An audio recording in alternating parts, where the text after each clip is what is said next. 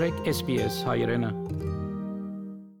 The date is set for this year's federal elections, and political leaders are already on campaign trail. To get his views on the election and the policies of major parties, I'm joined by Dr. Zareh Ghazarian, Senior Lecturer in Politics and International Relations at Monash University. Dr. Zareh, welcome to SBS Armenian.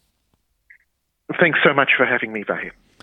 Uh, Dr. Zareh, now that um, the pre election campaign has started, why the leaders of both major parties started campaigning in marginal seats? The election is going to be very close, and the coalition must win all the seats it currently has to have a chance of remaining in government. And the Labor Party must win at least seven or so seats to be able to govern in their own right. So it's a very, very close set of numbers.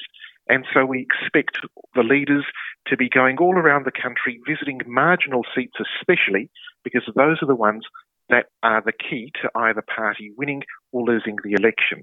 And when we look at where the marginal seats are, for the Liberal Party, for the coalition, the most marginal seats are in Tasmania, the seat of Bass, uh, and the seat of Chisholm in Victoria.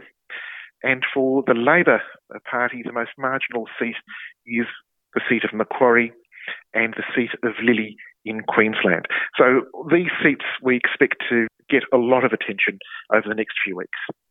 And uh, the marginal seats are fought over uh, local or federal issues? Marginal seats are where there's a real battle um, by the major parties, especially, to highlight how local candidates can improve representation for their communities, but also how the parties themselves will make improvements to the local community. So it's often the case that we see many of the uh, policies, many uh, uh, proposals being put forward to marginal seats in order to attract voters in those areas. What are the main policies of the two major parties? The major parties share similarities with each other on a number of policies, um, but there are, of course, differences. There are reports in relation to how the Labor and coalition parties differ, for example, in terms of their education policies. Um, there's some differences in childcare policy. Um, there's differences in terms of uh, the approach towards climate targets as well that are being reported. Um, what we expect to see over the next few weeks is these differences really start to become clearer. And as policies and uh, promises are made, we get a bigger sense and, and greater sense of how the parties are different and what they will do differently if elected to government. Uh, will defense, uh, climate change, economy be on the list of policies of the main parties? We would expect those to be really prominent and really high order issues during the election campaign. Um, we've seen how um, education, we've seen how uh, climate change can be prominent, but also I think this time um, we were also, also going to see a lot of focus on the economy, on jobs, on interest rates, um, and on economic management. And what the polls predict about the election? Any clear winner? Polls for a number of months now are showing that the Labor Party is in a comfortable lead, and we expect the Labor Party to win based on those numbers. But of course, we were here um, saying the same thing three years ago when the polls were showing very similar results. Um, what happened three years ago, of course, was that the coalition was able to retain government. This time, the idea is that there's been changes to how polls um, gather and present their data. Um, so we would expect, based on these numbers, that the Labor Party is in a very strong position to win the election. But having said that, um, there's still that niggling doubt about the accuracy of polls. So I would not be surprised if the coalition was able to somehow remain in government. Mm. Uh, is a hung parliament possible?